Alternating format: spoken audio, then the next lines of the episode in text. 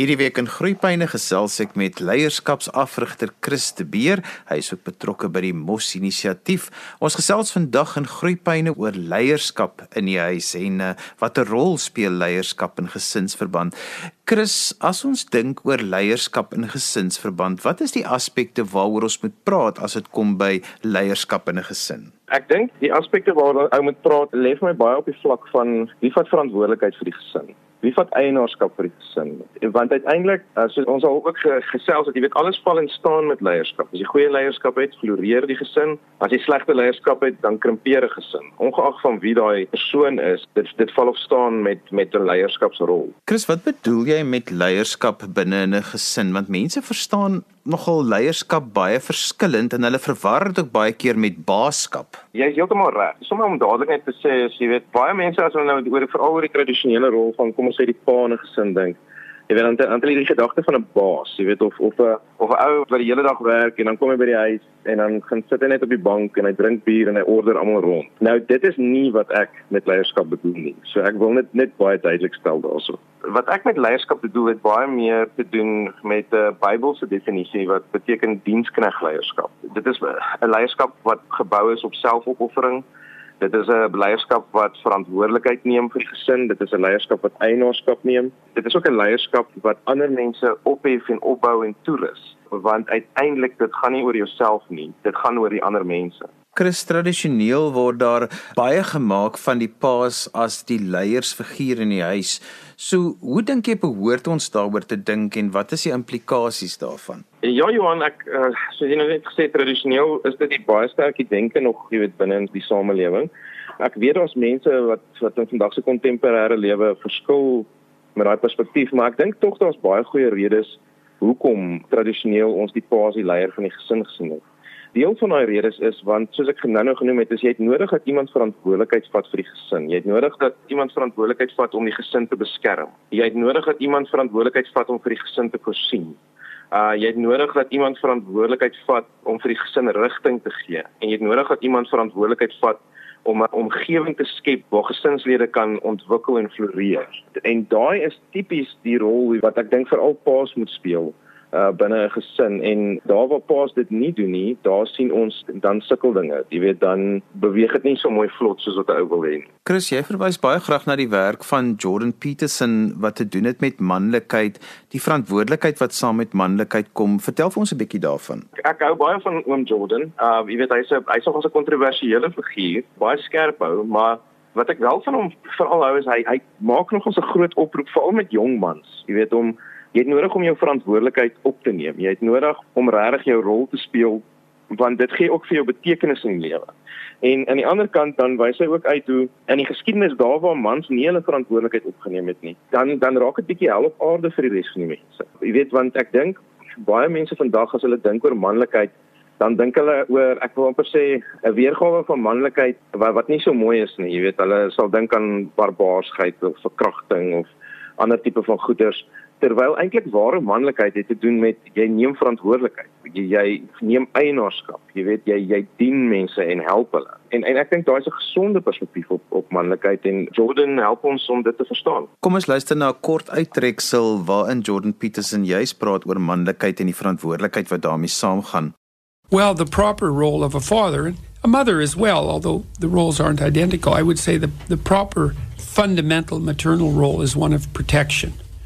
And the reason for that is quite obvious is that newborn infants need above all to be protected. The proper response to an infant's distress is you're right and I'll take care of you right now, especially for the first 9 months of life. There's no disputing that. Whenever the infant is upset, he or she needs to be dealt with as if that upset is justified. But then, as the infant matures, and even by the age of nine months, I would say, then that interaction has to be made more sophisticated because the child has to be encouraged to take his or her place in the world. And I would say that encouragement is more on the masculine side of the of the duty distribution. And the father's fundamental role is to produce a bounded environment in which exploration can take place with an eye towards the encouragement of the child to develop more and more competence, to push that development. Because, and it's true for mothers and fathers, that the end goal is to produce a person who's capable of operating autonomously in the world. The father's role is to foster that sense of confident autonomy by encouraging the child to push his or her limits. And that role can be played by mother or father. If it's a masculine role, it doesn't have to be played by a man, but it still tilts in that direction. And so, for example, fathers are much more likely to engage in rough and tumble play with their kids, which is very, very good for them, by the way, and absolutely necessary and something to be completely encouraged. Wrestling, physical play, because the kids learn, well, they learn all sorts of things. It's like they learn to dance. That's the best way of thinking about it because a confident child understands the physics of play. And you can see this even in such simple things as going into a park where there's a lot of dogs. And the dogs that are well socialized are very good at acting out playfulness. And you can tell the difference between a growling dog and a mean dog and a, and a frightened dog and a playful dog. People are very good at making that distinction. And a playful dog knows how to move in a playful manner, and so does a playful child. And that attentive readiness to play is something that's fostered by those play fight interactions with fathers, for example. And that makes the kid ready in a deep sense to engage with other children. And it also sets the stage for a for a confident physicality in, ad, in, in adolescence because a lot of our wisdom is embodied. When you wrestle with kids, then they learn what hurts them and what doesn't. They learn how far they can be extended and stretched. They test the limits. They learn to trust because you throw kids up in the air and you catch them and you push them to the point where they're really excited. So they're right on the edge of fear, actually. The excitement pushes right to the edge of fear. Mm-hmm. And but they learn and then they also learn how they can interact with someone else physically and what's acceptable and where the limits of pain are and what's frightening and what can be sustained and how to take turns and all of that. And that's it's not abstract it's concrete it's right in the body. So that's part of the father's role but the fundamental paternal role is that of encouragement. And the encouragement is you can handle it kid. Life is hard it's going to come at you in all sorts of ways. You can accept that as a challenge you can thrive you can master it and i'm behind you like I'm behind the, the best in you manifesting itself in the world. And that gives a kid a spine. And so it's an unbelievably important thing to do. And fatherlessness is a catastrophe. If you look at the epidemiological literature, the psychological literature, fatherlessness predicts all sorts of terrible outcomes. It's not good. And we've fallen into this idea in our society that fathers aren't necessary. It's like, and it's just a family that's run by single mother is just as good in, in the broad sense as a family with two parents. And it's simply not true. All the evidence suggests now that doesn't mean that there aren't single parents who are nobly raising their children, because there are. Mm. But in the aggregate, the two parent family is a much better arrangement for children. You know, the father's role is to note that the individual is capable of thriving in a difficult world and to put that message forward and to and to note that that's been the message of people who've been successful throughout history each individual is capable of doing that at least to some degree Dit was 'n kort uittreksel waarin die sielkundige Jordan Peterson homself uitdruk oor manlikheid en die verantwoordelikheid wat daarop paas rus. Chris, die verantwoordelikheid wat daarop paas rus, dit bly een van die moeilikste goed want baie paas weet nie eers eintlik wat die verantwoordelikheid is wat hulle moet opneem nie. Jy is heeltemal reg Johan. Ek moet sê, um, kyk ek is 'n ek self 'n pa van van drie kinders. Ek is bevoorreg om daai daai posisie te wees en destyds toe my eerste kind gebore is, was ek self maar lekker dom. Jy weet, um, want want ek en ek ek is nie heeltemal seker hoekom ons so onkundig is of of of nie, maar die realiteit is baie ouens weet dit nie. So so 'n goeie plek om te, te begin is om net uiteindelik mans en paas bewus te maak weet van hierdie verantwoordelikheid en dan om hulle die instrumente in hulle hand te gee om dit uit te voer, jy weet, sodat sodat hulle kan sorg dat hulle gesinne kan floreer. Chris, as 'n pa nie die verantwoordelikheid in die gesin nakom nie en ek praat nou letterlik ook dit kan selfs gesinne wees wat in twee huise bly, dit kan uitgebreide gesinne wees. As dit nie daar is nie, dan is daar nogal slegte nagevolge baie keer want die die statistiek en die navorsing wys vir ons dat daai kinders wat in so gesin groot word, ly nogal daaronder.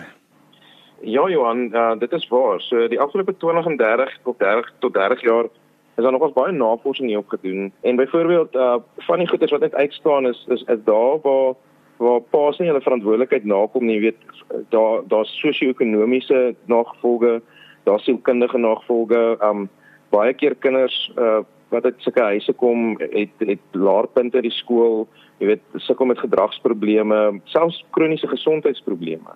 En nou kan ek tot 'n groot mate verstaan, nê, want ek meen uh as ek dink net daaraan as as die paafiguur nie daar is nie, um jy weet dan dan is daar die die sekuriteit van die gesin word aangetast daar binne. Um die ander ding is nou val al die finansiële druk van die gesin net op die ma en die emosionele druk, jy weet, en die uh al al al die ander goeders wat daarmee saamgaan en en een een persoon se kapasiteit is ook net so groot. So daar's definitiewe nagevolge rondom dit. Die die ander ding wat ons ook sien is dat ehm um, as jy net gaan kyk na die hoeveelheid misdaad wat byvoorbeeld gepleeg word en hoeveel van die mense wat misdaad pleeg kom uit gesinne wat vaderlose huise, dan ehm um, dan sal jy oorrek.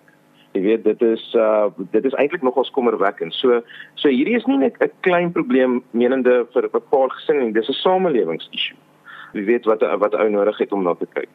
Christheid is een van die groot dinge wat ek dink baie huise vaderloos maak of wat afwesige pa veroorsaak by huise en dit bly 'n uitdaging om tyd te maak vir om daai leierskapsrol te vervul want ons weet baie keer wat ons moet doen, maar as ons ons kom kry, is die week verby en het ek eintlik niks daaraan gedoen nie.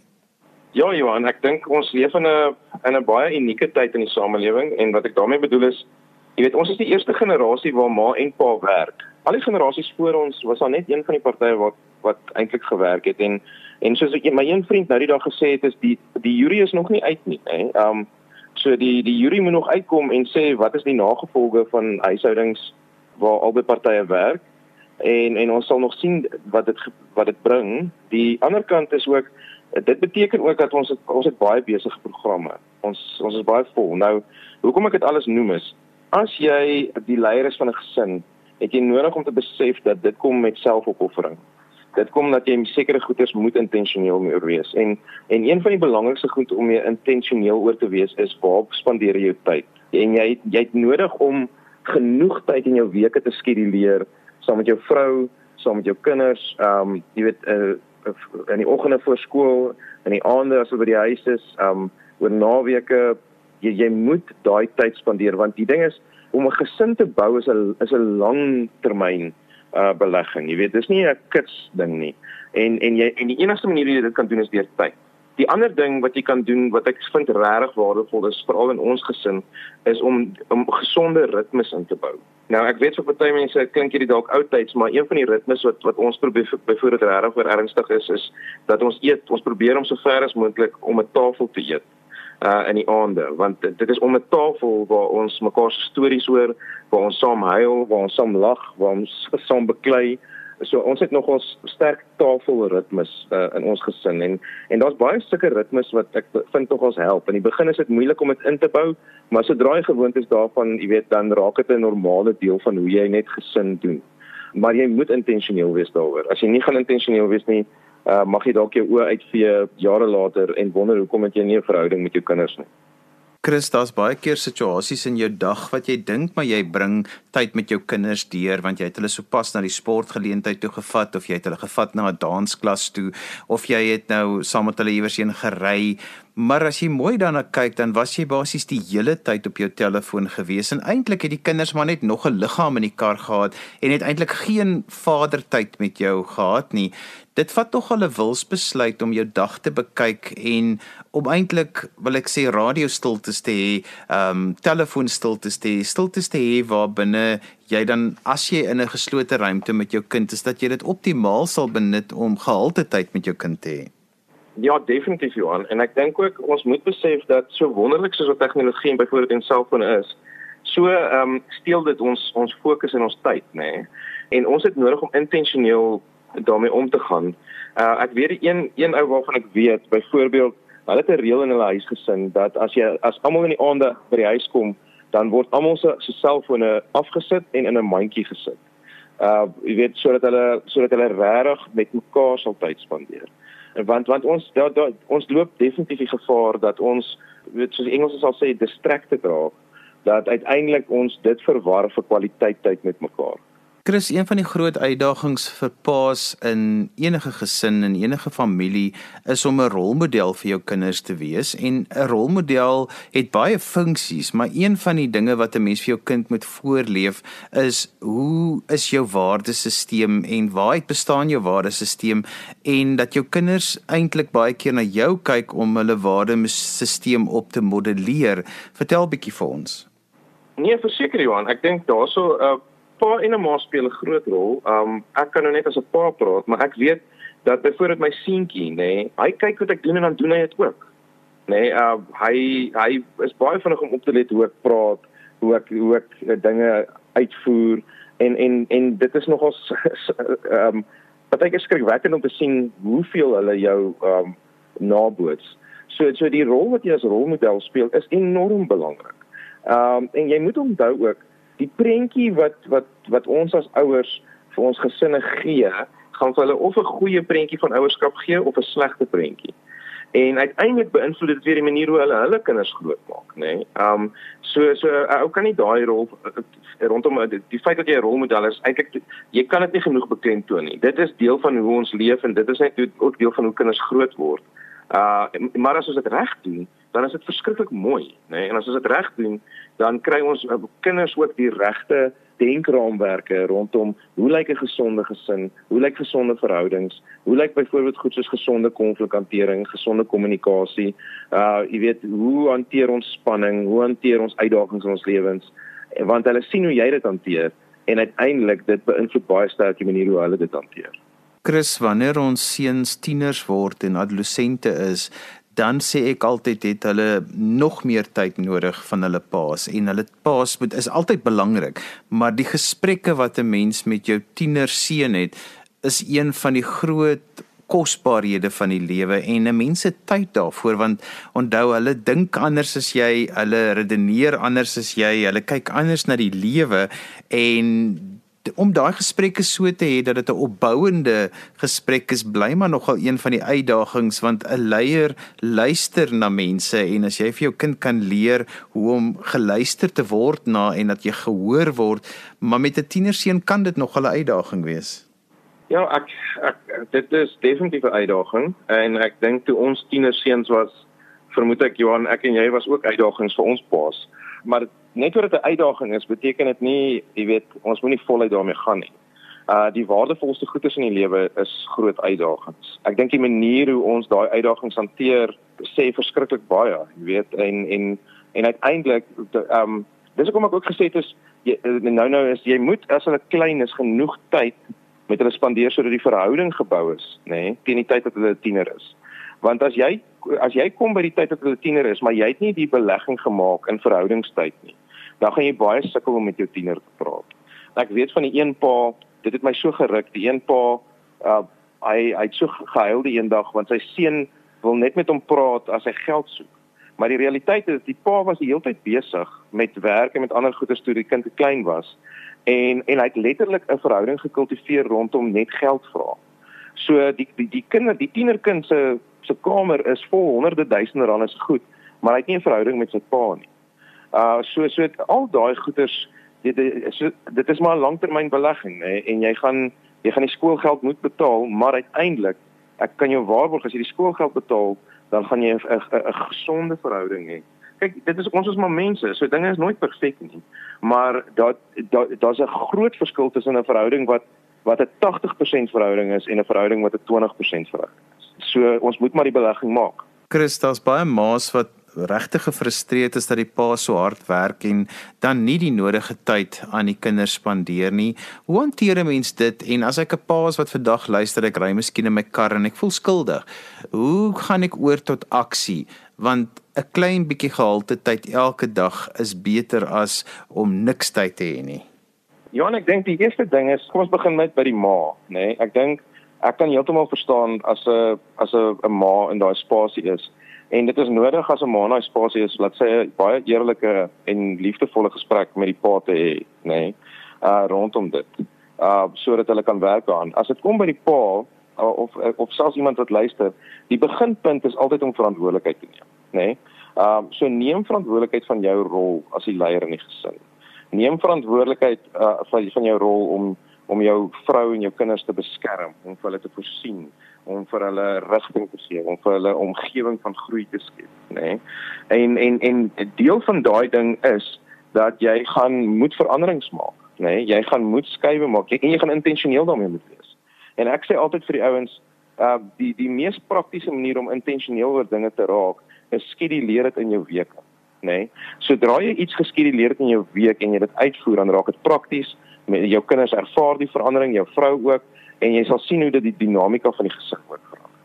So so ek dink daai sal so 'n paar wenke wees. Jy weet uh, as jy van van in so 'n spasie is en moenie noodwendig laat skuldgevoel jou oorweldig nie want ek weet ook baie mense voel so skuldig en dan raak hulle heeltemal passief. Jy weet. Ehm um, moenie laat toelaat dat skuldgevoel dit aan jou doen nie. Jy weet uh ek wil amper sê kom oor jouself want dit gaan nie oor jou nie. Dit gaan oor jou vrou en jou kinders wat nodig het dat jy ehm um, dat jy die pa is wat hulle verdien. Chris, as mense met jou verder wil gesels, hoe kan hulle met jou kontak maak? Uh Johan, hulle kan my gerus skakel by 0827583550. Ehm um, hulle kan ons ook vir my kom kom soek by ehm um, uh, die Mos inisiatief se webwerf. Daar is ons ook van ons inligting daar beskikbaar. En so gesels leierskapsafrigter Christe Beer.